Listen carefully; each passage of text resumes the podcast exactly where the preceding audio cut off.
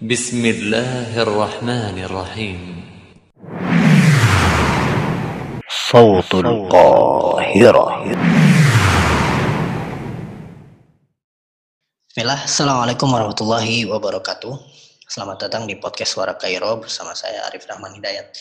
Dan kali ini telah hadir bersama kita, saudara kita bersama, Al-Akh Boeing Tegar Bayangkara, seorang penulis, seorang penulis dari dari Jawa Timur.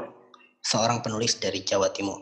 Beliau ini cukup banyak menulis buku, di antaranya juga buku yang terbaru judulnya Tempat bermula.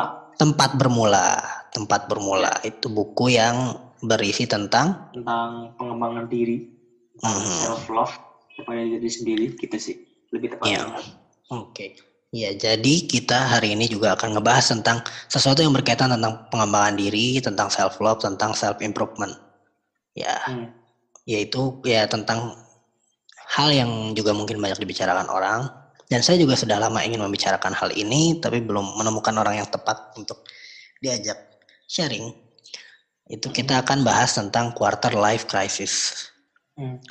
Nah, eh ya quarter life crisis pertama kita eh, mau tarik dulu nih takutnya orang-orang pada masih mempertanyakan apa sih quarter life crisis nih gitu. Quarter life crisis tuh ya simpelnya adalah ya ketika rentan usia di 20-an, 25-an itu seperempat hidup, seperempat abad pertama dalam hidup yang mana orang dihadapkan sama eh, pertanyaan akan eksistensi dia dalam kehidupan ini gitu kan.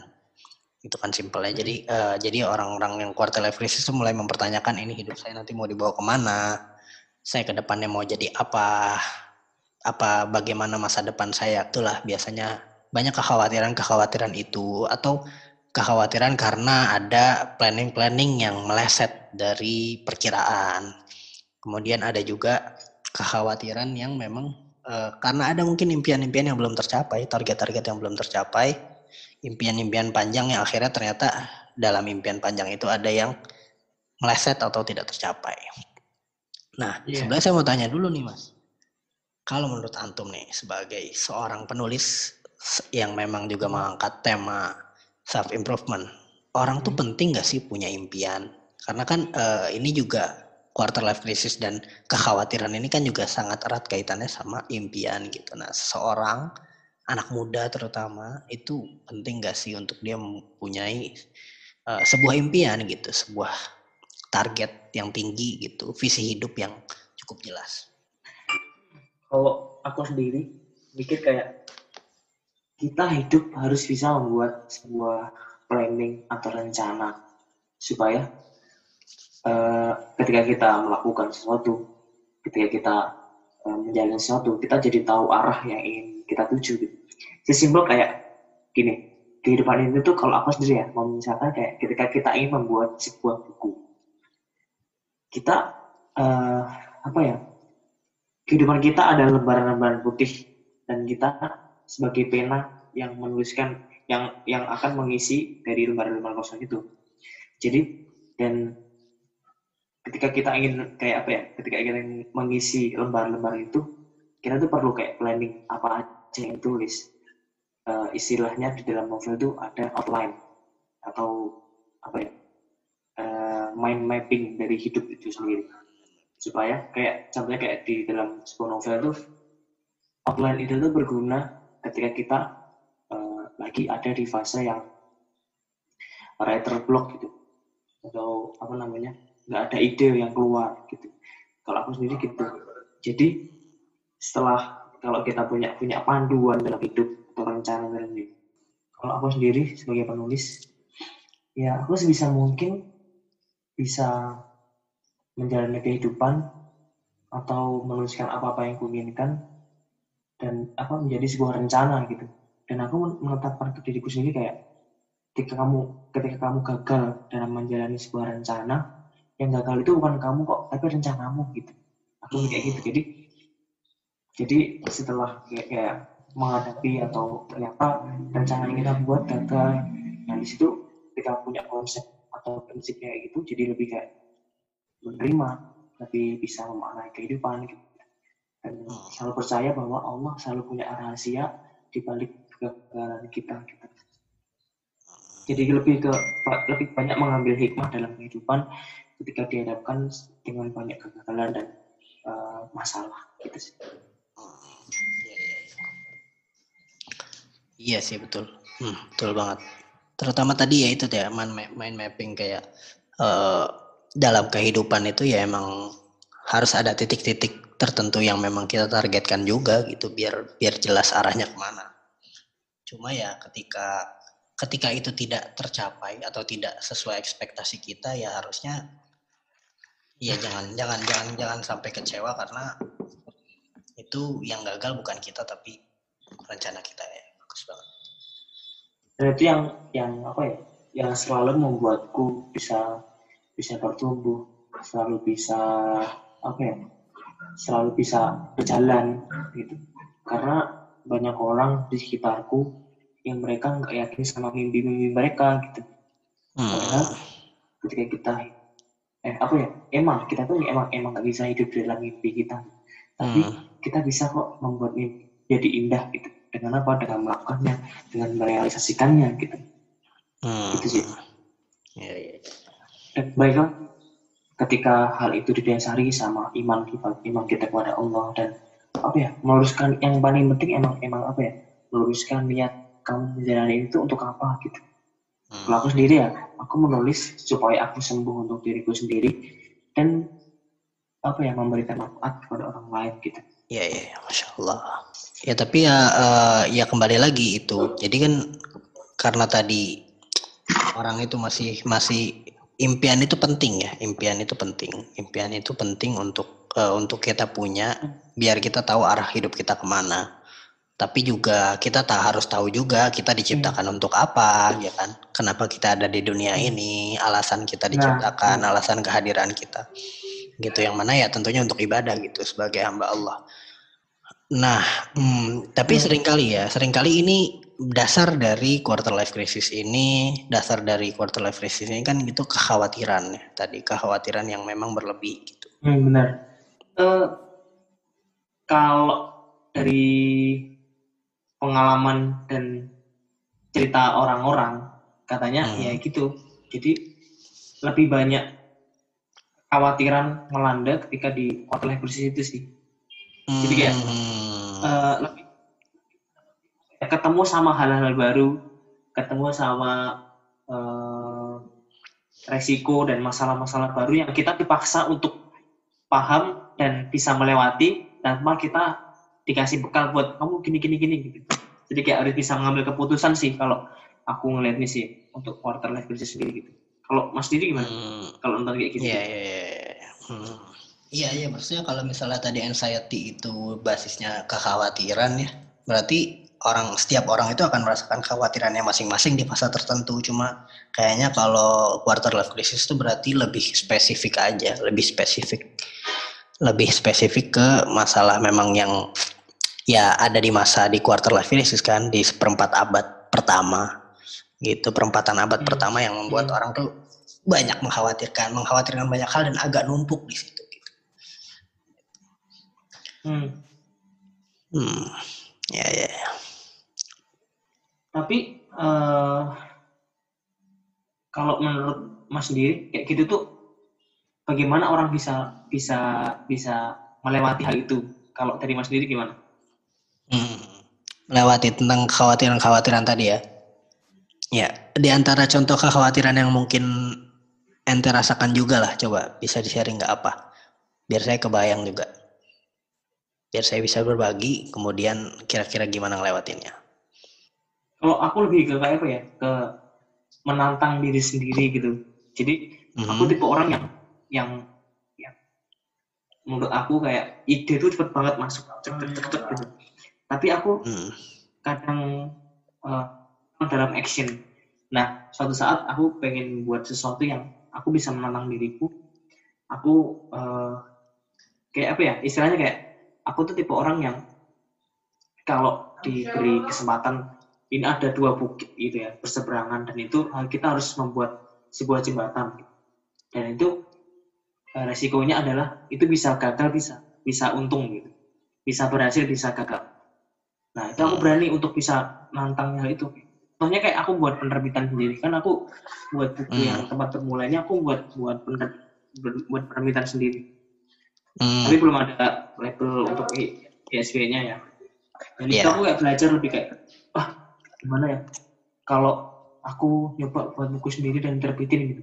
Dan emang bener-bener kayak menguras tenaga banget menguras pikiran usaha Hmm. gitu.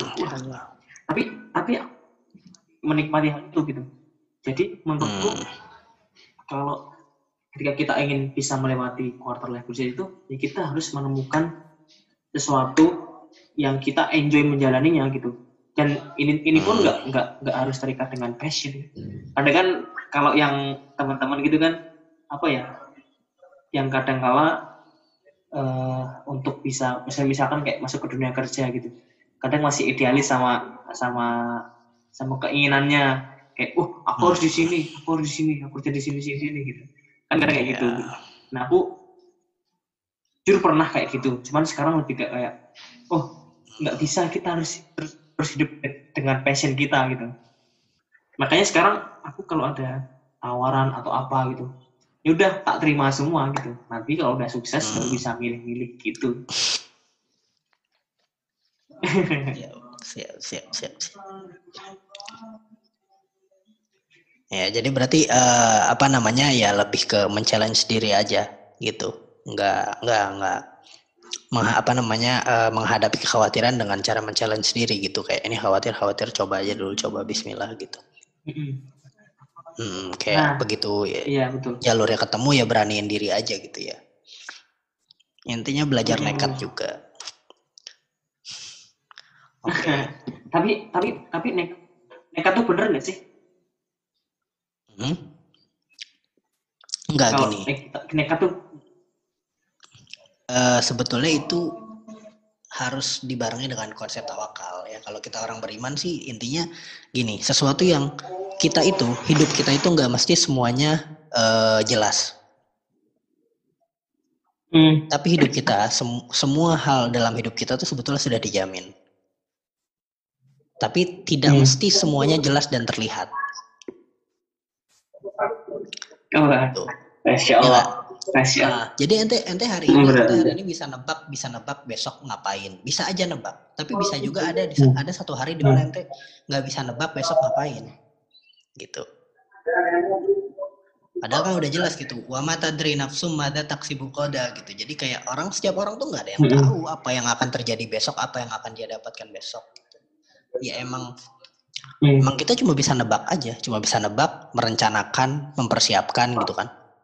Hmm. Nah, eh, kekhawatiran kita itu pasti se- selalu tentang sesuatu yang meleset dari apa yang kita prediksikan, apa yang kita rencanakan, apa yang kita inginkan gitu. Hmm. Nah, gimana sih ngilangin ketakutan itunya? Yang ngilangin ketakutan itunya kalau menurut saya ya Islam punya konsep tawakal kan, maka ya di, diseimbangkan dengan Iya. tawakal itu gitu. Tawakal itu bukan bukan kayak eh, gimana ya? Jadi kita tuh punya upaya, kita punya usaha gitu. Manusia tuh punya usaha, manusia tuh Hmm. punya eh, kemampuan, punya kekuatan, punya ikhtiarnya.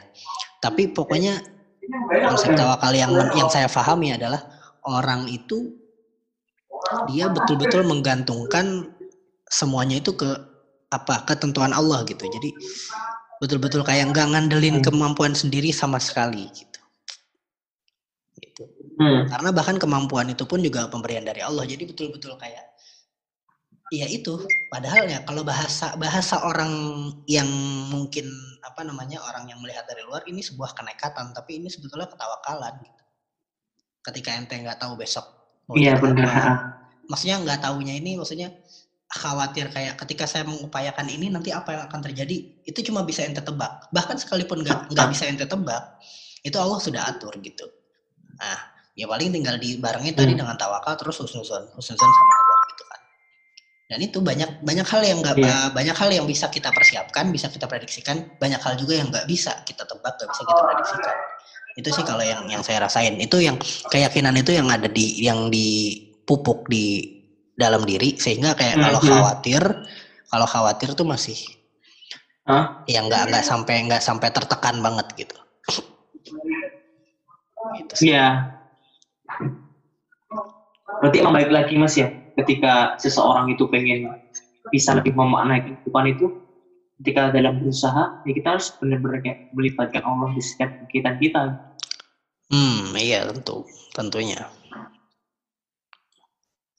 Iya, betul. dan jujur ketika aku apa ya yang, yang apa ya masuk dalam hal itu aku rasa kayak ketika aku berusaha ya udah aku harus aja sama Allah pasti pasti ada kok jalannya pasti ada kok gini nih dan aku udah apa ya eh, apa ya eh, telah apa ya kalau bahasanya itu telah melakukan usaha-usaha atau upaya-upaya tadi.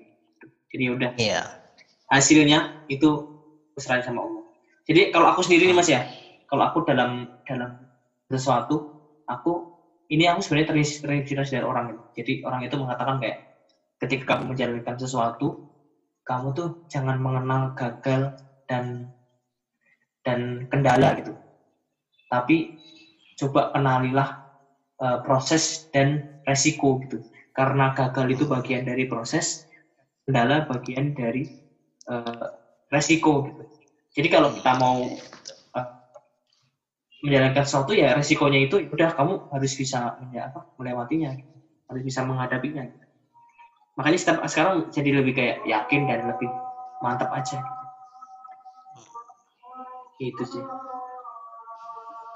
Masya Allah. Iya sih, betul betul betul betul banget.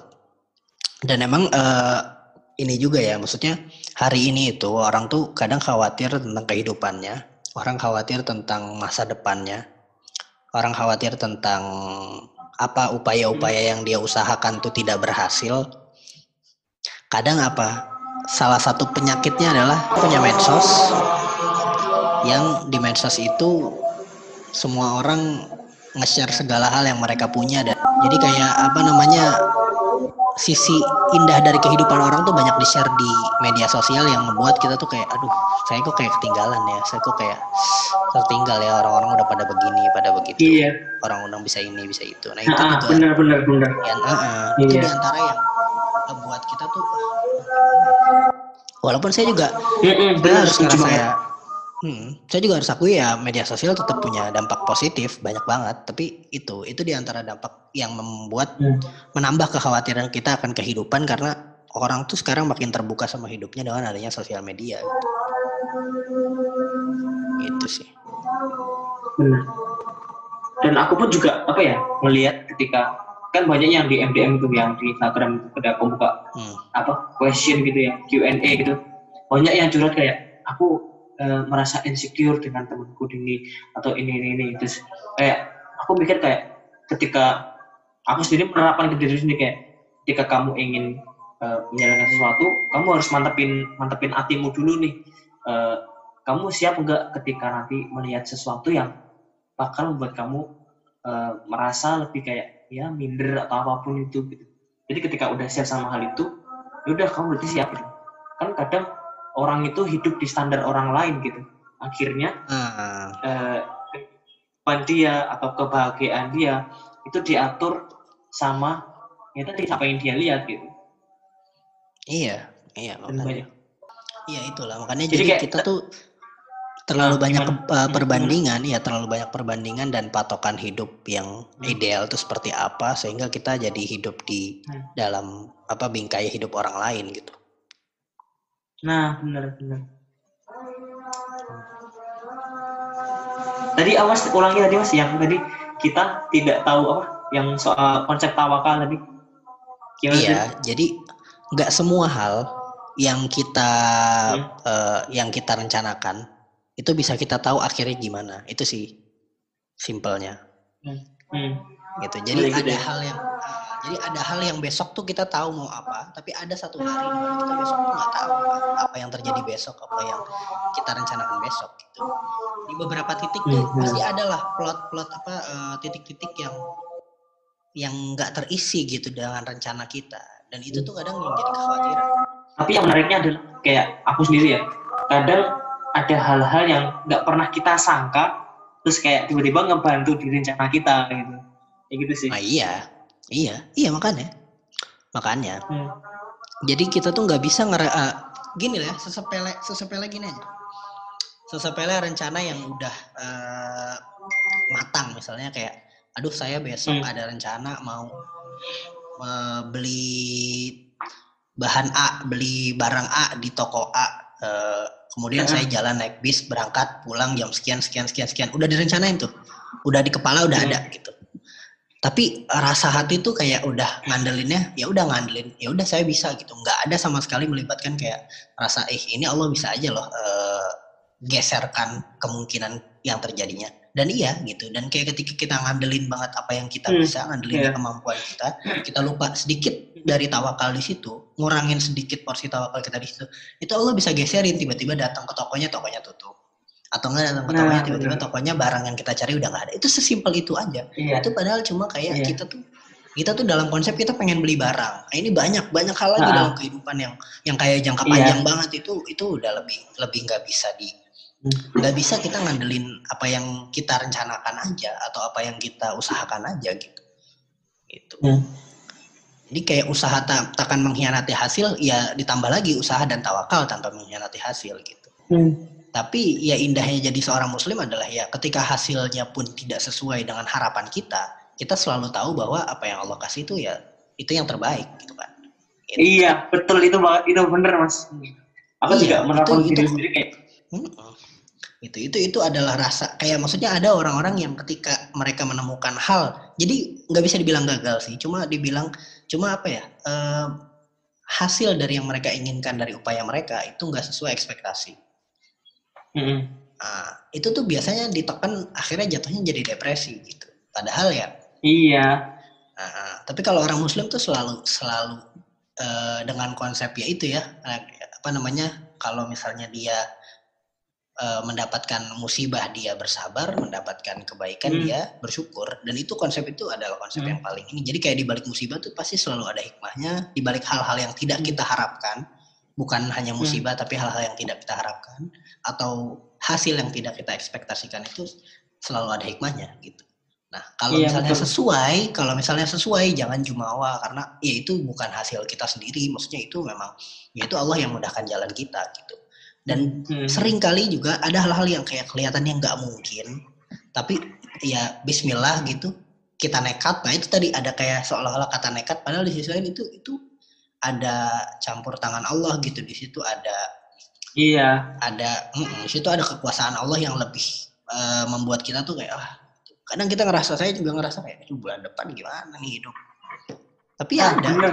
pada Ah, akhirnya ada Ada pada akhirnya Allah Ada. memampukan kita gitu gitu Hmm. sesepele itu atau atau banyak hal gitu Hmm. atau bahkan saya sering juga ses- sesimpel kayak ujian aja ujian di Al Azhar Hmm. saya ujian ujian kadang-kadang saya ngerasa ngisi tuh kok kayaknya tadi nggak bisa ya kayaknya tadi nggak nggak nggak nggak ketemu ya jawabannya ya.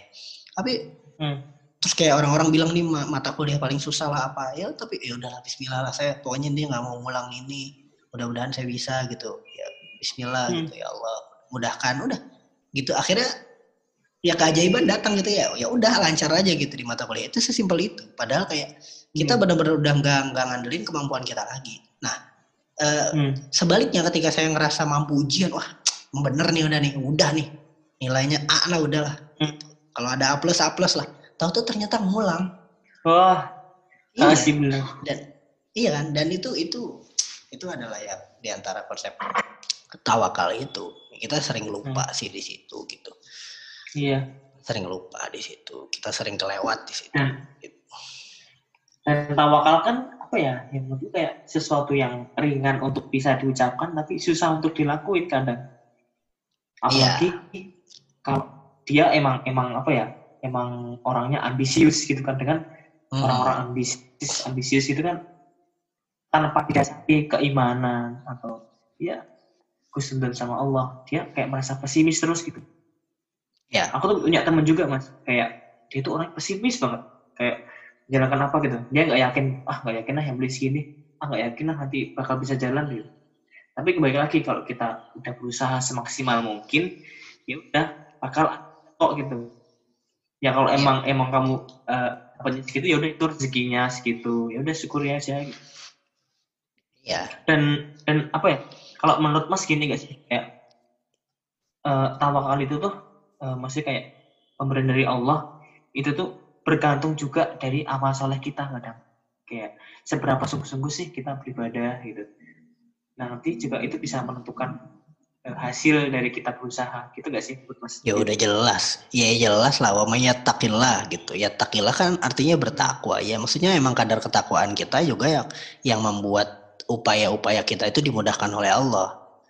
Nah, nah itu ya nggak. Tapi ya emang Ya. upaya itu, upaya kesuksesan duniawi, kemudahan dalam hidup tidak pernah dan tidak bisa dikonversikan dalam bentuk nominal. Jadi kalau misalnya ada orang kelihatannya bertakwa, beriman, ya rajin sholat dan lain sebagainya, hidupnya kok kayaknya biasa-biasa aja. Ya menurut kacamata anda, gitu kan? Kacamata Iya. kita, gitu. Nah, sama sebaliknya, sama sebaliknya orang-orang yang kelihatannya glamor, ya itu karena sekarang ada sosial media kan kita bisa ngeliat kehidupan orang ya, terus kayak ngeliat ada, wah kita lihat ketentraman hatinya, mungkin kayak ya segala hal dalam hidup dia tuh banyak hal yang dimudahkan ya itulah gitu. Dia selalu punya jalan keluar gitu, jalan keluar yang yang yang yang memang diberi apa ya di di di dipercepat oleh Allah gitu, jalan keluar dari masalah-masalahnya. Sedangkan mungkin banyak orang yang ya itu nominal secara nominal secara uh, pencapaian achievement kehidupannya kok kayaknya udah tinggi banget ya ini kayaknya orang udah settle udah bisa segalanya udah mampu semua anak ada istri ada rumah meli rumah bagus gitu pekerjaannya terhormat uh, mungkin punya fame gitu kan itu kan sekarang yang yang ada yang uh, yang apa namanya yang disoroti oleh kebanyakan orang terutama di sosial media tapi ya itu kembali lagi itu Iya. nggak eh, nggak menjamin Betul, betul. dan dan dan, tetap ya emang tadi kuncinya ketakwaan kalau masalahnya nominal memang misalnya kayak kalau orang mengartikan kemudahan itu dengan Allah memberi nominal memberi rezeki limpahan rezeki dan nggak bisa dibilang rezeki sih yang memberi memberi Mhm. kemudahan-kemudahan duniawi tadi eh ya itu memang itu bukan kaitan Hmm. dengan ketakwaan karena itu orang kafir juga Allah kasih gitu orang fasik juga Allah kasih gitu iya benar. itu juga ada konsep istidroj kan Hmm. nggak sholat nggak sholat tapi Iya. kayaknya kaya gitu nggak ada Hmm. hidup aman-aman aja gitu Ah. Ya, kita nggak tahu di akhir gitu yang kan maaf gitu makmur ini kan balik lagi kayak kayak sesuatu yang kita lihat baik belum tentu baik gitu. dan sesuatu yang kita lihat buruk iya. itu juga belum tentu buruk gitu kadang iya. Masya Allah Masya Allah dan menurutku sih eh, ketika orang gagal atau kita ketika dia menghadapi masalah menurutku itu adalah salah satu fase dalam kehidupan dan dan emang itu kamu harus ngejalanin dan kamu harus ngelewatin gitu sih. Jadi setiap apa yang datang setiap musibah atau suatu nikmat itu kayak fase kehidupan yang Allah udah atur buat kamu ya udah kamu harus di, yang ketika kamu melewatin dan kamu nggak boleh menyalahkan itu semua gitu. Iya karena ada orang yang kadang menyalahkan kayak uh aku gini terus ya aku jatuhnya kayak kekhawatiran kayak uh wajahku kayak gini atau apa namanya aku bukan orang yang good looking gitu. Nanti gimana ya nanti kalau Ah. kerja? Ya nggak ya insecurity. Gini-gini kadang kan insecurity itu. Insecure. Nah ya. Ah, ya sebetulnya gini nah ah, apa namanya? Saya juga agak ah, agak tertarik sama masalah insecure sih. Kalau saya alhamdulillah ya maksudnya tidak ter- tidak terlalu banyak ya itu sih. Kayak kalau misalnya kita ngegantunginnya ke Allah ya itu jatuhnya kita insecure-nya tuh kurang. Dan insecure kita tuh harus pada hal yang tepat loh harusnya. Gitu. Pertama insecure dalam masalah fisik itu sebenarnya re- terlalu receh tapi juga kita nggak bisa bilang nggak bisa dengan mudah ngasih tahu orang yang insecure dalam masalah ini oh ini receh. Enggak cuma ini eh, saya kasih bayangan aja. masalah gini ya. diserang banyak Iya. Nah, antara insecurity insecurity-nya tentang eh, ya maksudnya orang tuh insecurity ente pernah nggak sih ada orang yang curhat tentang insecure saya nih kira-kira masuk surga nggak ya? Hmm. saya nih kira-kira nanti amalan saya cukup gak nih buat di hari akhir nih gitu kan itu loh maksudnya Hmm. nggak ada orang insecure dengan ibadahnya gitu hari-hari ini orang insecure dengan dengan eh, apa cover Wah, kehidupan ya, mereka gitu. fisik Ah, atau ah, fisik. harta gitu ya benar Iya, fisik, terus pekerjaan atau kemampuan untuk bisa eh, bersaing dalam dunia kerja, dalam dunia bisnis, dalam dunia profesi Hmm, gitu benar. kan. Iya, iya sih benar dan dan dan dan dari karena dari insecure yang tadi itu ada penyakit lain yang akhirnya orang jadi overthinking sama banyak hal gitu. Padahal kayak ya Hmm. Allah gitu. uh-uh. padahal overthinkingnya Rasulullah itu mikirin umatnya gitu mikirin umatnya gimana gitu Nah, iya. overthinkingnya Imam overthinkingnya Imam Syafi'i itu dia malam-malam semalaman merenungkan hadis ini faidah dari hadis ini apa gitu sementara kita hari ini overthinking cuma masalah Hmm. pekerjaan gimana masalah Masalah hati. Ah, ah, masalah hati masalah jodoh kita gimana? Ya Allah. Itu ya walaupun saya nggak bisa bilang saya nggak bisa meremehkan karena memang ya itu keadaan keadaan kita sekarang kebanyakan karena kembali lagi ya karena memang sekarang kita sudah saling melihat ya sudah saling menampilkan gitu. Orang-orang yang tadinya juga tidak tampil gitu tidak bisa kita lihat penampilannya hari ini ada gitu. Bentuk publik-publik yang memang ya membuat kita semakin insecure. Ini kok orang kayaknya sempurna banget kayaknya lengkap banget gitu. Gitu. Tapi dan tapi kadang kadang kita kadang ngebandingin kayak terus. Tapi kadang kayak insecure itu tuh kayak kita sendiri yang buat gitu gak sih menurut Mas Mas iya? Kadang iya. kadang kayak kurang itu yang kita sendiri yang iya. Hmm, kita sendiri tentunya pastinya iya kita sendiri. Dan itu emang kayak jadi ya merasa sama diri sendiri gitu ya. Mm-mm, mm-mm. Makanya itulah berat kayak insecure kebanyakan. Emang itu juga tadi tapi kembali lagi insecure juga bahkan ya, ya faktornya juga karena kita kebanyakan ngebandingin yang lain dan kita bikin patokan Hmm. untuk diri kita sendiri dari hidup orang lain. Kalau patokannya Hmm. untuk memotivasi ya, kalau patokannya untuk memotivasi sih nggak masalah. Tapi kalau patokannya itu untuk membuat kita semakin minder itu nggak nggak layak lah gitu. Kalau patokannya memotivasi Hmm. misalnya oh si A nih achievement hidupnya udah segini si kalau nggak kita tarik ke belakang tokoh-tokoh siapa yang kita kagumi kemudian kayak beliau bisa mencapai eh, hal-hal demikian misalnya para ulama bagaimana dulu mereka perjuangan dalam hidup dan kayak kita pengen dong punya perjuangan yang seperti itu nah itu lebih ya lebih tinggi gitu dari ketimbang kita kayak insecure dan ngebandingin seorang apa sama tokoh-tokoh yang mungkin terdekat hari ini yang kita mau nggak mau kayak harus ada di itu ada di bingkai kehidupan yang kayak gitu. Yang mana itu nggak bisa gitu. semua orang beda-beda. Ya itulah berat Iya, dan banyak yang banyak apa dari kita tuh lupa kayak kebanyakan dari kita lebih banyak memikirkan bagaimana hidup yang bahagia tanpa memikirkan hidup eh tanpa memikirkan akhir hidup yang bahagia kadang. Jadi kayak Hmm. bagaimana ya kita bisa bisa hidup pantas dengan layak gitu, dengan ya dengan apa yang diusahakan tanpa memikirkan kayak gimana akhir dari apa yang kamu usahakan itu menjadi kebahagiaan, menjadi sebuah pahala, menjadi sebuah amal jariah untuk kamu setelah kamu mati gitu. Kadang yang Iya. lupa banyak orang kan kayak gitu kadang. iyalah Akhirnya balik lagi ori- ori- orientasinya cuma ke masalah dunia aja.